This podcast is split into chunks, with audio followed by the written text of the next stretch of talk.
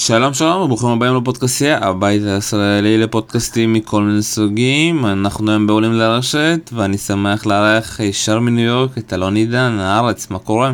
בסדר גמור, שלום שלום. אתה יודע, אנחנו ככה מתכוננים לחצי הגמר, אבל uh, מילה קודם כל על אהובתך פדרר, היית במשחק? הייתי, בטח שהייתי, לצערי, לצערי הייתי, אחד החוויות הנוראיות, משחק שממש היה כמו, נבנה כמו סיוט כזה, זה התחיל כאילו בסדר וזה, אבל אתה ראית שמשהו שם לא עובד, ולאט לאט הסתבך והסתבך, וישבתי שם ביציע הזה, ואתה מרגיש שזה לא זה, משהו פה לא עובד. הוא היה מאוד מוזר באותו יום. זה קורה לו מדי פעם, משחקים כאלה של נפילה קשה, ופה ממש אפשר היה לראות שאין, שאין לו פורן בכלל, אני לא מדבר על בקן, שזה בכלל לא היה לו, אה, גם ברשת הוא לא כל כך טוב, פשוט לא טוב.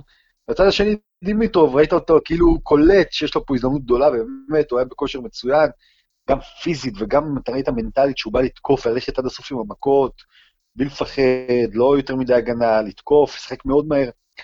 וכן, זה נגמר כמו שזה נגמר, ותשמע, זה מהמשחקים האלה שאני אומר, אם פדרר עולה ככה מול נדל בגמר, אז אולי עדיף שהוא עף בו ברבע.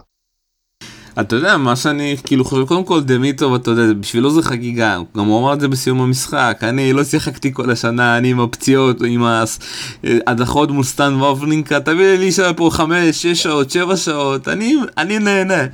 ומצד שני פדרר ראינו אותו שמע הבן אדם ניסה כל שנייה לקצר את הנקודות הוא לא ושוב פעם זה גם שנה שעברה אתה יודע בהפסד שלו למילמן שהוא מגיע למשחקים כן. הערב הזה ואם הסרף שלו לא עובד או משהו לא עובד.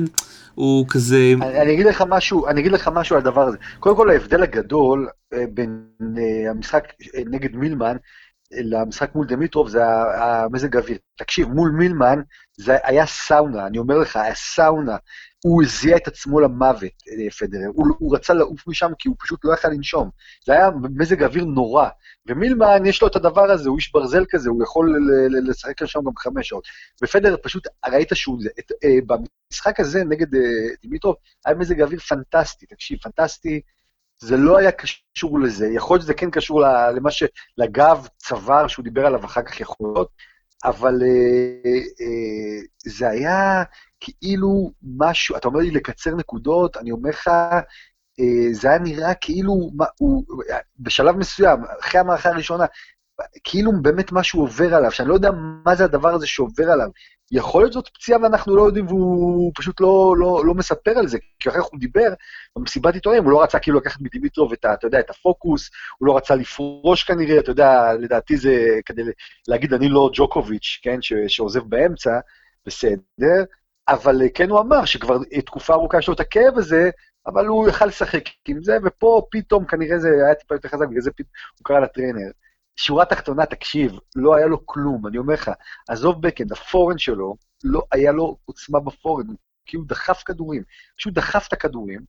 חוץ מזה, אני אומר לך שהוא לא אוהב לשחק בלילה, הוא לא אוהב לשחק בלילה. הוא דיבר על זה, הוא דיבר על זה, אתה יודע, בכל השבוע הזה, ששאלו אותו מה הוא אוהב, הוא אומר, מבחינת האווירה, אני מאוד אוהב לשחק אה, בלילה, אבל מבחינת התנאים שאני אוהב, אני אוהב את התנאים של הבוקר, כי אתה יודע באמת איך הכדור קופץ, וגם התנאים יותר מהירים מאשר בלילה. אבל אתה יודע כמה הוא יכול כבר לשים את עצמו בבוקר, אתה יודע, גם מול גופן, אה, הוא שם לדעתי בכוח את עצמו בבוקר, ושאין את נובה. תקשיב, אני אגיד לך מה הבעיה פה. הרי מצד אחד, השחקנים האחרים, אגב, ג'וקוביץ' וכולי, בעבר התלוננו על זה ששמים את פדרר בערב, כי בבוקר, כשהיה מזג האוויר נורא, זה כאילו היה יתרון למי שמשחק בערב. פדרר עצמו באמת לא אוהב לשחק בערב, גם בגלל התנאים. אני חושב גם שבשנים האחרונות הוא לא אוהב לשחק בערב, כי בשעה, תקשיב, אתה עולה בתשע וחצי, עשר בלילה לשחק, בן אדם בן 38 עם ארבעה ילדים הוא גם עייף. אני אומר לך, זה גם משפיע הדברים האלה. הוא לא בחור בן 25, שכאילו, אתה יודע, תשע בערב ותשע בבוקר זה פחות או יותר אותו דבר בשבילו. הבן אדם מגיע, הוא גמור, אתה רואה אותו גמור. ו... אבל מה, לי ברור דבר אחד, אני רואה פה איך, איך מוכרים את המשחקים האלה ב-ESPN, אתה יודע, בטלוויזיה. מה שמעניין אותם, הם כותבים לך, זה סרינה ופדרר, סרינה ופדרר, אוקיי? אז הם חייבים לשים אותו בערב באמת. אתה מבין לך את הרייטינג, זכויות שידור, וגם האנשים שבאים לאצטדיון, פדרר מביא, תשמע, אתמול בפרטיני מונפיס, אוקיי? שהיה המשחק הכי טוב בטורניר לדעתי, שליש אצטדיון היה ריק. שליש היה ריק, כן? ממש ככה. רבע, רבע גמר, אתה מבין? זאת אומרת, אז, אה, אה, ואתה רואה פה מי מושך קהל ומי לא, ופדר, אתה יודע, בשבילם זה כאילו תרנגולת שמטילה ביצי זהב, הם חייבים לשים אותו בערב, וכן, הוא לא אוהב את זה. אתה רוצה להגיד לי שאיספן קובעים מי משחק בערב? זה הגיוני שם? אה? איספן. לא, אבל אני, טלוויזיה, מה, טלוויזיה, אתה חושב שהטלוויזיה אין זה? סיי? ברור שיש לה סיי. אני כן, אני מתחיל... טלוויזיה קונה זכויות שידור בהמון כסף. אני חושב ש... מה זה בהמון כסף?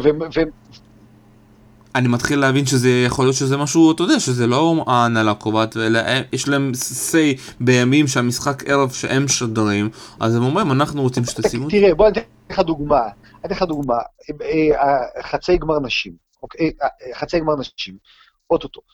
אה, הרי איזה היגיון יש שסרינה וויליאמס נגד סוויטולינה, יהיה המשחק הראשון, פה בשבע בערב, לפני, ואחריו המשחק של בנצ'יץ' נגד אה, ביאנקה. איזה היגיון יש בדבר הזה? אין בזה היגיון. בכל יום אחר הייתי אומר, תקשיב, ברור שסרינה צריכה להיות השנייה, כדי שגם הקהל לא ילך הביתה ויישאר שם וכולי וכולי. אבל למה? היום נפתח אה, ליגת הפוטבול, אוקיי? משחק ראשון העונה. והם מבינים שהם לא רוצים סרינה מקבילה לפוטבול, כי מי יראה את סרינה, או את הטניס בכלל, זה לא עניין של סרינה, טניס מול פוטבול, פוטבול פה זה הרי דת, ומחזור ראשון זה בכלל חגיגה, רק על זה מדברים. אז שמו את סרינה כמו פרי גיים בעצם לפוטבול, בשעה שבע, מניחים שזה ייגמר עד שמונה וחצי, ואז אפשר יהיה לראות פוטבול בשקט. זאת אומרת, אתה מבין, ברור שהטלוויזיה יש לה say אדיר בדברים האלה, וכשהטלוויזיה מוכרת לך, ואני רואה את זה פה בפרומו של ESPN כל הזמן, אה, פדרר וסרינה, פדרר וסרינה, אז אתה יודע, פדרר ביום חול, בשעה 12 בצהריים, כשכולם בעבודה, זה לא שווה להם כלום. אגב, שמו אותו ב, ב, ב, בשעות האלה בלייבור דיי, שאנשים כאילו בחופש, זה כן. אפשר לשים אותו ולכן הוא שיחק בבוקר נגד גופן וכולי. לא הייתה בעיה עם זה. אבל ברגע שזה ימי עבודה רגילים, אז הם מעבירים אותו לערב, ללילה, בשביל הרייטינג. טוב, שמע, היינו, יכלנו לעשות עליו פודקאסט שלם, אבל אין לנו זמן, אנחנו. צריכים להתקדם ככה לקראת חצי הגמר. ואני אתחיל איתך עם החצי גמר הראשון, דמיטרוב אה, מול מדוודב, וקודם כל תגיד לי איך משם כל הפסטיבל של מדוודב הרוסי הזה, שפתאום, אתה יודע, מוצא תחבולות, אתה יודע, מטווס וילנדר כבר קורא לו ג'יניוס, אה, גאון, הדור החדש, הבן אדם כבר פצוע גם ברגל ימין, גם בשמאל, אה, חולה התכווצויות, ועדיין נשאר בטורניר. קודם כל, תשמע, אני אומר לך, אני התאהבתי במדוודב פה, פשוט התאהבתי בו. אה, מכל השחקנים, אני כאילו עוקב אחריו, הולך למסיבות עיתונאים שלו, זה מה שנקרא טיפוס, האיש הזה הוא טיפוס. תשמע, אני ראיתי אה, מה עשו לו אחרי הסיפור עם המגבת, עם הילד וכו', במשחק הבא שלו נגד קופפר הגרמני. תשמע, זה היה בלואי אמסטרונג, לא בארתור אש, אבל עדיין זה, זה עשרת אלפים, אני לא יודע כמה אנשים יש שם כבר. והבוז שהוא, שהוא ספג אה, במשחק הזה היה מטורף, אבל האיש הזה, לא אכפת לו, ההפך, פשוט לא אכפת לו. הוא אוהב שיש אנרגיה סביבו, שלילית, חיובית, לא משנה, ואתה רואה אותו, הוא נהנה מהדבר הזה, וגם אחרי זה הוא עומד מולם ואומר להם, חבר'ה, תקשיבו, בזכותכם ניצחתי. כי אני לא טוב, לא הייתי טוב היום, אין לי כוח, אני פצוע, אתם הבאתם לי אנרגיה לנצח עם הבוז הזה שלכם, והם שורקים לו בוז כשהוא אומר את זה. והיה מאוד מעניין לראות אותו באמת נגד וברינקה, כי וברינקה הוא גם, אתה יודע, הוא, הוא אהוב הקהל פה, בואו נסיים שנייה את פדר ונדל בצד, אז אתה יודע, הם מתים פה על וברינקה. ומדוודב קיבל את הבוז שלו כשהוא עלה, אוקיי? אגב, לא מוחלט, אבל שמע את הבוז, וככל שהמשחק אה, נמשך, והוא התנהג על המגרש מאוד יפה, ובסוף, איך שהוא דיבר, מחאו לו כפיים, אני חושב שהקהל האמריקאי בסוף יאהב אותו. זאת אומרת, הם הפכו אותו לאיבל, למראה שטן, אבל אני אומר לכם, יאהבו אותו כי הוא איש אמיתי. עכשיו, מה, ש... מה שיפה במדוודב, קודם כל יש לו טניס מוזר קצת לצפייה, יש לו בקאנד שתי ידיים שהוא מגיע מתחת לכדור, אבל ממש כמו כאילו בא עם מחבת ומקפיץ אה, ביצת עין או משהו כזה, ממש מלמטה, מה שהופך את הבקאנד שתי הידיים שלו מאוד יציב, זאת אומרת, הוא מעביר כדורים מצוין בבקאנד, אבל הוא בעיקר שחקן מאוד חכם. נגד ובריקה, הוא דיבר על זה אחרי המשחק, מה שהוא רצה לעשות זה כל הזמן לשנות את הקצב, כדי לא לתת לוורינקה שום אה, אה, תחושה שאפשר לתת גז ו- ושיש קצב במשחק. הוא פעם, פתאום, פתאום הוא עבר לדרופ שוטים, פתאום עבר למכות מלאות, פתאום אה, מכות אה, כאלה באמצע כאלה, הוא לא רצה שוורינקה ייכנס לקצב של המשחק, זה תסכל מאוד את וורינקה, וזה עבד. והמאמן של אה, מדוודב דיבר על זה אחר כך, הוא גם בא למסיבת עיתונאים, על זה שהוא הוא, הוא חושב שהוא ג'יניוס, שהוא, אה, שהוא גאון טניס עם ראש, אה, אה, בעצם לטקטיקה. מדוודב עצמו דיבר על זה, שמה שהוא אוהב בטניס זה טקטיקה.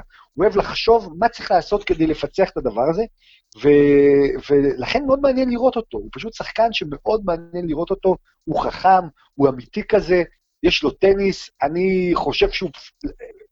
אם לא, הוא לא היה פצוע והוא היה עכשיו פרש, אני חושב שהוא פייבוריט גדול היה נגד דימיטרוב, אבל בגלל שהוא פצוע וחבוש והתכווצויות ומה שאתה לא רוצה, אז, ודימיטרוב נראה מצוין מבחינה פיזית, ממש מצוין. אז זה טיפה מאזן את התמונה, הופך את זה לכזה חצי-חצי, אני עדיין בתחושה שמדוודב פייבוריט, פייבוריט קטן. קודם כל, אתה יודע, ראיתי את המסיבות העיתונאים שלו אחרי הגרמני, שמע, זה היה מדהים, כל שנייה העיתונאים, היית במסיבות העיתונאים הזאתי? ברור, נו מה, אה, שמע, זה התענוג, זאת הייתה. מי שלא היה, אתה יודע, הוא כמובן מתחילים, אתה יודע, כל העיתונאים שואלים אותו על הקהל, הוא מנסה לצאת מהקהל, הוא לא מצליח כמובן, הם לא, לא מדברים איתו על טניס, לא מדברים איתו טקטיקה, דברו איתי על טניס, דברו איתי מה אני עושה במשחק. ברור. זה לא מעניין את העיתונאים האלה, אתה יודע. זה לא, זה לא מעניין אותם, כי תקשיב, אתה, אתה יודע, אני אומר לך, זה לא מעניין, כי מי שהיה במגרש עצמו, וקלט מה הלך שם, מבחינת האנרגיה, לא מבחינת הטניס. תקשיב, אני אומר לך, אה, מתוך עשרת אלפים מישהו אולי, חמשת אלפים איש עודדו את, קופ, את קופפר, שלדעתי הם לא ראו אותו משחק אף פעם, הם לא יודעים מי זה בכלל, אוקיי? הם רק רואים את השם שלו ומעודדים אותו בטירוף, כאילו זה נגיד אוהדי פנתנייקוס עכשיו, אוקיי, ביוון, בדרבי נגד אולימפיאקוס. פשוט מתוך כאילו איזושהי שנאה למדוודב, אוקיי? אבל המדהים הוא שבניגוד לשחקנים אחרים שמורידים את הראש ומתחנפים לקהל, מדוודב לא התחנף אליהם, מדוודב עמד מולם, ואמר להם בפרצוף, חבר'ה, זה אני, ככה אני, ותודה לכם על הדבר הזה שאתם, זה, אין לי שום בעיה עם זה שאתם מקללים אותי וצועקים, צועקים בוז. והוא חמד של בחור, זה הקטע. יש פער אדיר בין כל איך שתופסים אותו בחוץ, לאיך שהוא, באמת כשאתה רואה אותו מקרוב ומדבר איתו, ממש בחור חמוד, חביב וחכם מאוד, ולכן, אני אומר לך, עם, עם הזמן, הם גם ילמדו לאהוב אותו, ו- וממש, אני, אתה יודע, מאוד מאוד הופתעתי ממנו. אתה יודע, גם הוא אמר את זה במסיבות עיתונאים, אני בן אדם חרא על המגרש, ואני הייתי אידיוט, ואני מנסה להיות אה, בן אדם טוב כמו שאני נכון. במציאות, נכון. אבל תסלחו לי, לפעמים אני אה, לא שולט על זה, אה, ושוב פעם, הוא מנסה, אתה יודע, וזה שוב פעם, אתה יודע, זה מצחיק, כי פשוט רק עכשיו הם ככה שמו לב לדברים שלו, אבל אתה יודע, שכחנו כבר מה שהוא עשה גם בווימבלדון, והוא נקנס עם כל המטבעות, וכל המילים שהוא אמר אז לשופטת, וזה גם אה, לדעתי אה, במשחק אחרי וברינקה, אבל אתה יודע, מה שהפתיע אותי במשחק הזה זה סטן, אתה יודע, בן אדם, איך ש... גם מדוודב אמר את זה איך שהתחלתי להיפצע אה, וסטן קצת התבלבל כי התחלתי לשלוח drop shot ים ולשנות לו כל פעם את נכון, ה pace נכון. סטן פעם ראשונה משחק טניס? או שאתה יודע, או שאפשר להגיד שהסבב מטומטם וכולם משחקים אה, יותר מדי, אתה יודע... לא, לא, לא, תקשיב, תקשיב, תקשיב, הוא דיבר, הוא, הוא אמר דבר מאוד מאוד חכם בהקשר הזה. תקשיב, במערכה הראשונה, לקראת הסוף שלה, זה היה נראה כאילו הוא עומד לפרוש. הוא לא יכל לזוז בשלב מסוים, באמת הביאו, הוא ירד טיפול ומה שאתה לא רוצה, והוא שיחק, אתה ראית שהוא עומד לפרוש, הוא דיבר על זה, שהוא פשוט חשב שהוא אוטוטו פורש. סטן, אני, והוא דיבר על זה ששחקן יריב רואה מישהו כל כך פצוע, שאו-טו-טו הולך לפרוש, אז מה שקורה זה מבלבל אותו כשאתה מתחיל להחזיר כדורים, עדיין ממשיך להחזיר כדורים, ואתה אומר, רגע, מה קורה? הוא פצוע או לא פצוע? מה, מה, מה, מה הולך פה? זה, זה, זה, זה פסיכולוגית, זה נכון, אתה, אתה מתחיל לא להבין מה קורה, והוא אמר, הוא ניצח את המערכה הראשונה, ואז הוא אומר, בחמש שלוש במערכה השנייה, שאני, שהוא מוביל. רק אז אמרתי, טוב, תשמע, אתה לא פורש היום, כן? אתה, אתה מוביל במערכה ועוד חמש שלוש בשנייה, אין מצב שאתה פורש. זאת אומרת, עד השלב ההוא הוא באמת היה ב mindset של לפרוש, ו, ובאמת זה היה נראה ככה, בטח במערכה הראשונה, שהאיש הזה לא יכול לשחק עכשיו, שהוא גמור. וזה בלבל קצת את וברינקה, אבל אגב, וברינקה היה לו טוב בלי קשר, לא טוב. והפער, אגב, בין המשחק שלו מול אה, אה נובק, שהוא העיף אותו, לבין המשחק שלו נגד מדוודב היה מדהים. זאת אומרת, אה, אה, וברינקה התחיל לא טוב את המשחק, פשוט לא טוב. ראית שאין לו אנרגיה, שיש איזו ירידת מתח כנראה אחרי שהוא את נולה, אבל בטח זה, זה עוזר, העניין המתעתע הזה ששחקן נראה לך כאילו הוא פורש, ועדיין הוא מחזיק כדורים, ובשלב מסוים גם מתחיל לרוץ מצד לצד כאילו לא קרה כלום, אחרי שהוא לקח את המשככי כאבים, כן? לא, אבל אני אגיד לך משהו, אתה יודע, יש הבדל מאוד גדול בין המשחק של, של לנובה מול מדוודיו. מול נולה הם מכירים, אתה יודע, הם משחקים, אתה יודע, כולם יודעים אה, איך המשחק מתפתח, וזה באמת, אתה, כי אם אתה יודע, נשים תקצירים, נוציא קצת את ה... אה, את השחקנים ונעשה תקציר ביחד, אף אחד לא יזהה מאיזה משחק זה היה. הם משחקים אותו דבר. מול מדוודיו העניין שכל שנייה נותן לך לגרום לחשוב, ושראית שאתה נותן לסטן לחשוב, לרוץ קדימה, לרוץ אחורה, לשנות, פתאום ללכת לפורט. סטן לא טוב בלחשוב, שוב פעם, זה העניין שהפריע לי. לא, תראה, תראה, אני לא יודע אם לא טוב ולחשוב. זה נכון שזה שהוא שינה את הקצב כל הזמן. וואו, אתה יודע, לפעמים הוא עשה drop shot ים שברור לך היה שזה טעות לעשות את ה drop shot ים האלה, כי, כי זה drop shot גם לא טוב, זה גם לא בסיטואציה הנכונה. אבל הוא דיבר על זה אחרי המשחק, רציתי לעשות drop shot ים מדי פעם, רק כדי להאט את המשחק. גם, למרות שאני אפסיד את הנקודה, להאט את המשחק ולשנות את הקצב. זה, לכן הוא באמת שחקן מאוד חכם וזה. אבל אני חושב שסטן, תקשיב, ביום יותר טוב שלו, בלי קשר עכשיו לטקטיקה של מדוודר, הוא, הוא יכול היה לנצח. הוא, אני אומר לך, מההתחלה של המשחק, הוא נראה כאילו הוא בא בלי אנרגיה, בא עם יכולת מאוד מאוד לא טובה. זה קורה, קורה, הוא הרגיש את זה, הרגישו את זה. ו, ובאמת, גם במשחק הזה, המשחק היה כבד כזה, כאילו לא, הוא לא זורם. אה, לא, והוא אמר, אה, מדוודב דיבר על זה, שהמשחק לא טוב, טניס לא טוב, אבל זאת הייתה המטרה שלו, כי הוא היה פצוע, והוא היה חייב שיהיה טניס לא טוב, כי אם יהיה טניס טוב, הוא יפסיד. ואתה יודע, קוראים לזה אלילת המזל, כי אם מדוודב מפסיד את השובר שוויון הזה, שכבר היה בידיים של סטן... אה, הוא פורש, הוא פורש, הוא פורש, הוא פורש, הוא פורש, הוא אומר, הוא פורש, כי הוא לא ינצח עכשיו עוד שלוש מערכות. נכון, הוא פורש. טוב, אתה יודע שאנחנו ככה מתחילים לחשוב ככה לקראת המשחק שלו מול דימיטרוב, זה משחק tricky שוב פעם בגלל הכושר, ואתה יודע, ככה במאזן, במאזנים הם אחד אחד, אבל שוב פעם, אתה יודע, אני חושב ש... מדוודב, לפי מה ששמעתי התקשורת הרוסית, הוא אפילו לא מתאמן, הוא עושה רק מתיחות, אין לו, אין לו כוח אפילו להתאמן עם כל הפציעות שלו. אה, והשאלה כאן, אתה יודע, שוב פעם, דמיטוב זה לדעתי, אתה יודע, הרוויח את ההגרלה שלו בפעם הראשונה בחיים שלו, הרוויח את הכושר הלקוי של פדרר, עכשיו הוא מגיע מול שחקן שהוא צריך להתחיל לחשוב, אתה יודע, שהוא צריך להתחיל לחשוב וכל שנייה הפס שלו ישתנה, כי שוב פעם, אה, מחזיר אותך אחורה גם מול הגרמני, גם מדוודב סיפר שם, שהוא הגיע במטרה קודם כל להיות רגוע, לתת לגרמני לטעות, אה, אתה יודע, פעם ראשונה שהוא משחק מול שחקן מדורג, ופתאום הוא אומר, אני בפיגור מערכה ו-2-0 והבן אדם הזה רק דופק לי את הפינות, אז אמרתי, טוב, נשנה את הגישה ונתחיל לתקוף כמו משוגעים, וזה באמת עבד. אבל פה דמיטוב, אתה יודע, שוב פעם, שדמיטוב צריך באמת להתחיל לחשוב, וזה לא אותו פייס, זה קצת מסוכן בשביל דמיטוב, או שלא? אני, אני חושב ש...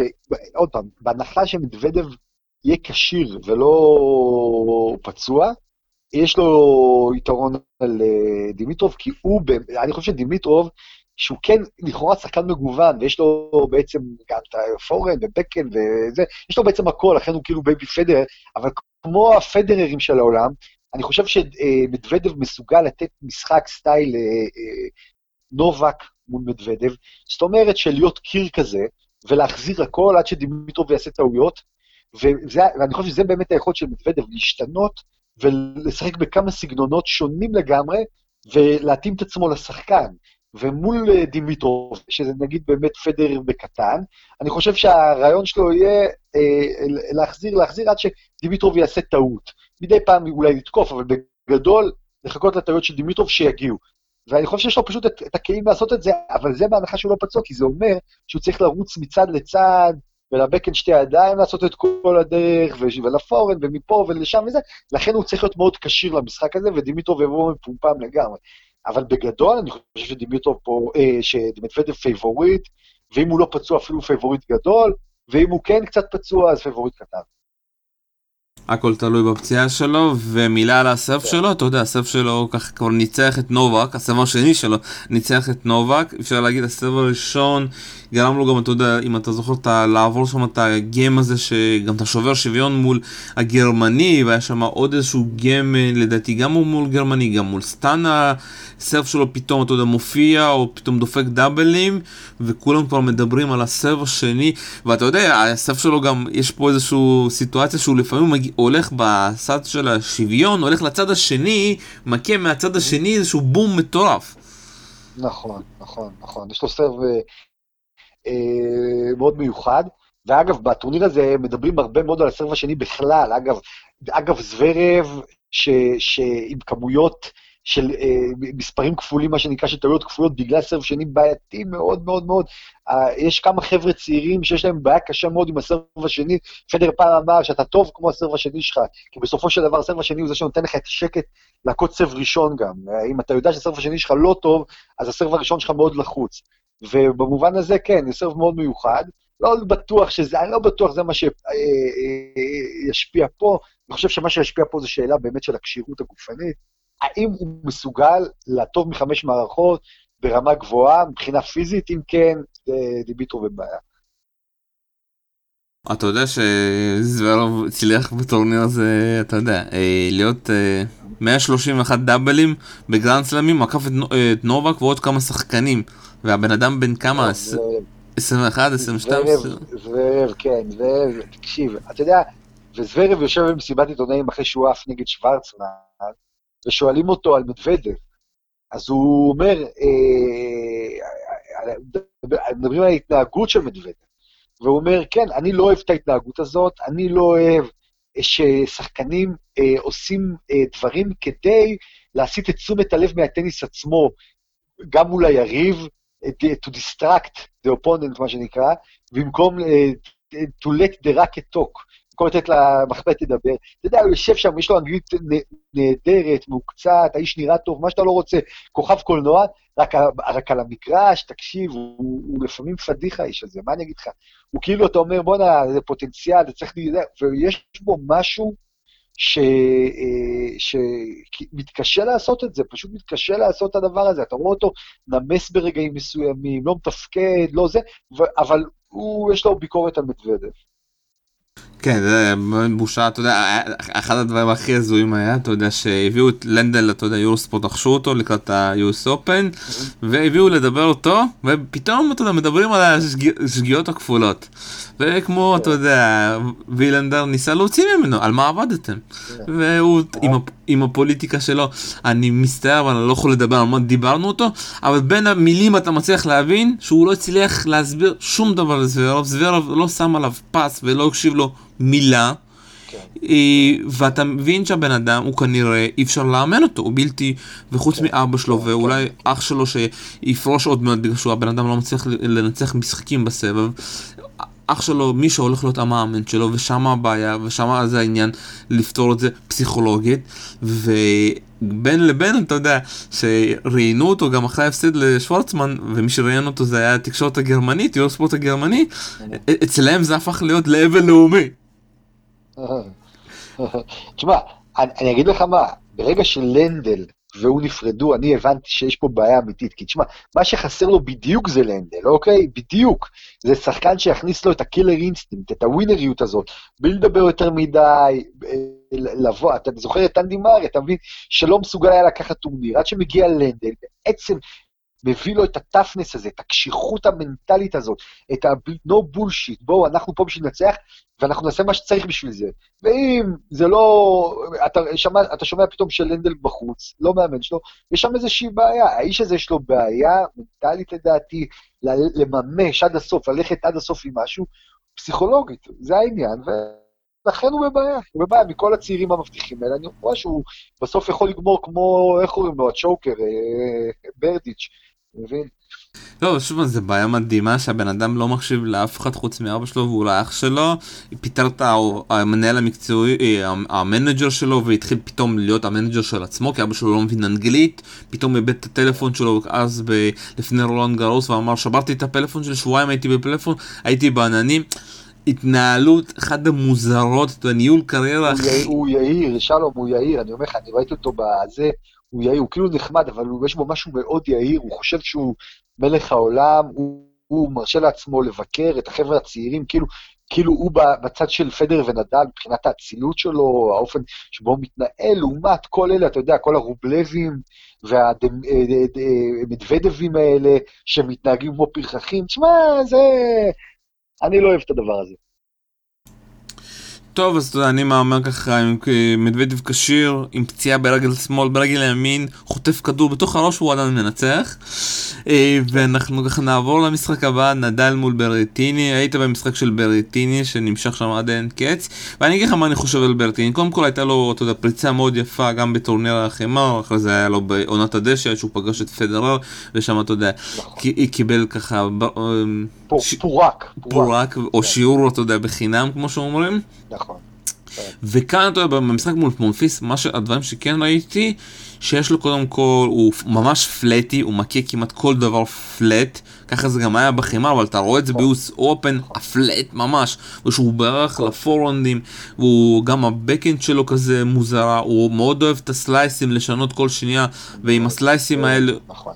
הוא ניצח את רובלף, כי רובלף אתה, הוא חייב גם אותו קצב כמו סטן, אה.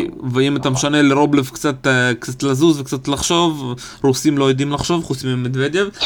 אה, אומר לך, אני רואה את הרעיונות שלו ברוסית, הבן אדם גאון, לא מעניין אותי מול מי אני משחק, תביא לי רק לשחק. לא חושב, אתה רוסי.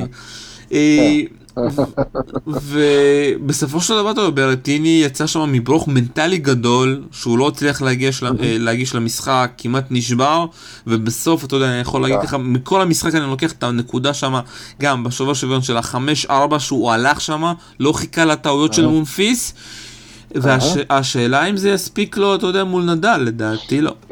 התשובה הקצרה היא לא, אין לו סיכוי, לדעתי, נגד נדל, אבל זו הקצרה. הארוכה היא שיש לו אה, דבר אחד מאוד טוב אה, למצ'אפ הזה, וזה הכוח שלו, העוצמה שלו. האיש פשוט חזק בטירוף, וצריך לראות אותו באמת במציאות כדי להבין מה זה הדבר הזה. זה מטר 96 על 90 קילו, נראה כמו גלדיאטור רומי, באמת, בנוי לתלפיות, אין דברים כאלה, מאוד מרשים, אה, ועל פניו, תראה, יש לו הרבה כלים על פניו, זאת אומרת, יש לו forehand נהדר, נכון שהוא משחק flat, והוא לא, הוא לא, הוא לא עם ה topspin של נדל, הוא משחק, משחק flat, אבל פיצוצים. הבעיה עם flat ים כאלה שהם יכולים גם לעוף החוצה אה, מול נדל שנותן לך 20 פעם לתת את ה flat הזה, זה נכון, אבל יש לו עוצמה מטורפת ב forehand, והוא יודע לתת עם ה forehand לשני הצדדים אה, בצורה כמעט שווה. זאת אומרת, רוב השחקנים נותנים באמת cross court, אם הם בצד הזה לפה, אבל הוא דיבר על זה פופירין, שהוא, שהוא לא יודע לקרוא את ה forehand של אה, ברטיני, זאת אומרת, לאן הוא ייתן, לימין ולשמאל, יש משהו באיך שהוא מכה את זה, שאתה לא יודע לאן הוא נותן את זה. שזה יתרון גדול ל anticipation, בעצם השחקן שממול לא יודע לאן לרוץ בשנייה שלפני. יש לו בקהנד שתי ידיים בסדר גמור, אוקיי? לא מזהיר, בסדר גמור, אבל בניגוד להרבה שחקנים בקהנד שתי ידיים, יש לו סלייס מצוין. זאת אומרת, בדרך כלל שחקנים עם בקהנד שתי ידיים לא משתמשים יותר מדי בסלייס, אה, בדרך כלל רק שחקנים של בקהנד יד אחת. הוא סיפר למה יש לו בעצם סלייס כזה, מאיפה הוא הביא סלייס כזה טוב, למרות שהוא משחק עם שתי ידיים, והוא סיפר שהוא נפצע בזמנו ביד, אני לא זוכר באיזה גיל, בגיל 17 אולי, או משהו כזה, והוא לא יכל לשחק, הוא היה יכל רק לשחק סלייס במשך כמה חודשים, ואז בעצם ככה, בעצם הוא רכש את המכה הזאת, אה, שמאוד מאוד עוזרת לו, מאוד. ראיתי את זה במשחק מול מונפיס, איך הסלייס הזה עזר לו מאוד, האט את הקצב כשהוא היה צריך, בעיקר כדי לחזור למידת המוצא, והוא יודע לשים את הסלייס הזה בדיוק בנקודות, אז הסלייס הזה זה גם יתרון שיש לו. הסרב שלו הוא סרב אדיר, באמת, ב... הוא נתן סרב של 220 קמ"ש, לטי, מטורף, כן? כי הוא, גבוה וחזק, יש לו את הדבר הזה. בעצם השאלה אצלו היא כל הזמן כמה הוא יכול מול רפה לשמור על עקביות ולעמוד בלחץ, באינטנסיביות שרפה מפעיל עליך בכל נקודה. כי כן ראיתי אצלו נפילות תוך כדי המשחק, זה אופייני לחבר'ה צעירים, אבל מול רפה זה בטח לא מעניין אותו את, את רפה ש, שברטיני צעיר. האם הוא יכול במשך שלוש שעות לשמור על רמה גבוהה, כמו שהוא הציג בכמה, דקות ארוכות אפילו, מול מונפיס. אני חושב שבנקודה הזאת הוא ייפול מול רפה. רפה יהיה שם כל הזמן, כל נקודה, עד שברטיני קצת יישבר, ומספיק, תספיק לו שבירה בכל מערכה לדעתי כדי לגמור אותו. אני, לא, אני, אני אתפלא בעצם אם ברטיני ייקח יותר ממערכה אחת, שזה יהיה מאוד יפה אם הוא ייקח מערכה אחת. אה, אני מאוד מעניין אותי לראות איך הוא יתמודד עם, ה, עם העובדה של, שנדל שמאלי, עם הספין הכבד שלו, עם הכדורים הגבוהים, אם כי הוא גבוה מספיק כדי לא להיבהל מזה, אני חושב שהוא יכול לטפל בזה. אבל אה, נדל פייבוריט עצום פה, פשוט עצום, עצום. אם כי ברטיני שחקן, והוא יהיה, הוא יהיה, יש לו, הוא ידבר בעתיד, למרות השיעור המביך שהוא קיבל מפדר בווימבלדון, ואולי השיעור המביך שהוא יקבל מנדל אה, פה, יש, יש, יש פה עוד שחקן שצריכים לקחת בחשבון לעתיד. ואנחנו חייבים כבר לסיים, אז מילה ככה אה, על נדל, אתמול, אתה יודע, ככה, היה שם כמה בעיות אפשר להגיד, פעמיים ככה שוורצמן הצליח לחזור משתי שבירות, גם בסט הראשון, גם בשני, ואיכשהו, אתה יודע, אפשר להגיד, בסוף גם הסרב ככה של שוורצמן לא עזר לו כל כך, וגם בסוף, אתה יודע, גם נדל נתן לשוורצמן לטעות. וכזה, גם שוורצמן כזה, אתה יודע, לא לקח, אם שוורצמן היה מחכה לטעויות של נדל, לדעתי הוא כן היה מצליח ככה לגנוב שם משהו, ובסט השלישי כבר, אתה יודע, החום, ונדל התחיל לבכות שם קצת, הוא קצת, שהייתה לו קצת התייבשות, הוא היה צריך קצת מלאכים. עד כמה זה קצת הפחיד אותך, מה שהיה אתמול אצל נדל? אה, אוקיי, אותי יותר מפחיד כשהוא עולה, לא מפחיד אותי כשהוא עומד לפרוש, אבל אה, תקשיב, היה פדר נגד baby פדר, ונדל נגד baby נדל, כי שוורצמן זה baby נדל. זה בעצם כמעט אותו סגנון משחק, רק ימני במקום שמאלי, ומישהו עם, עם, עם מבחינה פיזית קומפקטי יותר, יותר נמוך, יותר קטן, וזה בעצם הבעיה של שוורצמן מול נדל, שהוא, כי מבחינת הטניס עצמו, אתה יודע, זה טניס של ראלים ארוכים, אה, בעצם שליטה בבקן ובפורן, והחזרה עוד כדור ועוד כדור ועוד כדור שמתייאשים. אה, אני חושב שנדל שונא לשחק מול שוורצמן, למרות שהוא ב-8-0 עליו, אבל הוא לא אוהב את המצ'אפ הזה, זה מצ'אפ ש... שהוא יודע שיש מולו שחקן נודניק לא פחות ממנו.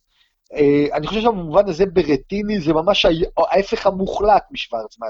זה שחקן של עוצמות, של כוח, אבל שחקן של... של אני לא חושב שהוא יחזיק ראלים של 20-25 מכות uh, uh, באופן עקבי, וזה כאילו היתרון. אני נדל, למרות שהיה לו באמת נגד uh, שוורצמן רגעים לא טובים, ורגעים של שבירות, שאתה ראית שמשהו שם לא עובד, אני חושב שעדיין אה, הוא, הוא בכושר מספיק טוב כדי אה, לחסל את ברטיני ו... ולחסל את מי שיבוא מולו בגמר. פבוריט גדול מאוד. אני לא הייתי שם, אם אני, אם אני חברת הימורים, אני לא נותן אפילו חצי שקל למי ששם עליו 100 שקל. אז אנחנו, נראה שאנחנו די, אתה יודע, אותו הימור, נדל צריך לקחת את זה, ואם הוא לא ייקח את זה, אה, אתה יודע. או, או, או, או, זה סנסציה שאני לא זוכר כמוה. שנובק ופדר לא נמצאים פה, באמת, אה, אתה יודע, נדל... ברור, ברור. אבל השאלה, אתה יודע, שהם לא נמצאים, האם יש פה לחץ, אתה יודע, זה קצת מזכיר לי את הלחץ הזה שנדל עף באותו עולם שפדר פתאום היה צריך לקחת, ואתה רואה כל משחק שפדר עלה, כאילו שהוא כבר במינוס שתיים. אני לא יודע, אני חושב שבניגוד לפדרר, שכשמי שזוכר פה ב-2014, אם אני לא טועה, אחרי שג'וקוביץ' ונדל עפו, הוא הפסיד לצ'יליץ' בחצי, התרסק מולו, כי הוא היה באמת בלחץ של לקחת. אני חושב שנדל, אין לו את הלחץ הזה, ובוא נגיד, יש לו, כשיש את הלחץ הזה, הוא בדרך כלל יודע לעמוד בו ולטפל בו, הוא מאוד מאוד קשוח בדברים האלה, ואני לא רואה אותו עכשיו, שבגלל שפדר ונולה בחוץ, אז עושה במכנסיים נגד אה, ברטיני או נגד אה, מדוודב סלאש אה, דימיטרוב. אה, אגב, לדעתי, הדבר שהוא מתפעל עליו זה דימיטרוב, בגמר, זה ממש, אתה יכול כבר מעכשיו לתת לו את הגביע וללכת הביתה. לגמרי, לגמרי. זה גם מדוודב, אתה יודע, מדוודב כבר הפסיד לו, וכמה מדוודב, אתה יודע, יכול קצת לשנות פתאום את לא, הכושר הגופני שלו. לא, אין לו סיכוי. אין סיכוי. אלון עידן, אני משחרר אותך ככה לקראת המשחקים של הנשים. אה, בהצלחה, תהנה היום, אה, מחר, בחצי הגמר. אנחנו ככה ננסה אולי לתפוס אותך אם תהיה פה איזושהי הפתעה. אתה מבטיח, כן? אם תהיה פה הפתעה, אנחנו מדברים פה. ברור, ברור, אז תודה רבה לך ותהנה. ותודה רבה שהקשבתם לעולים רשת, היה שלום סיונוב, ביי ביי.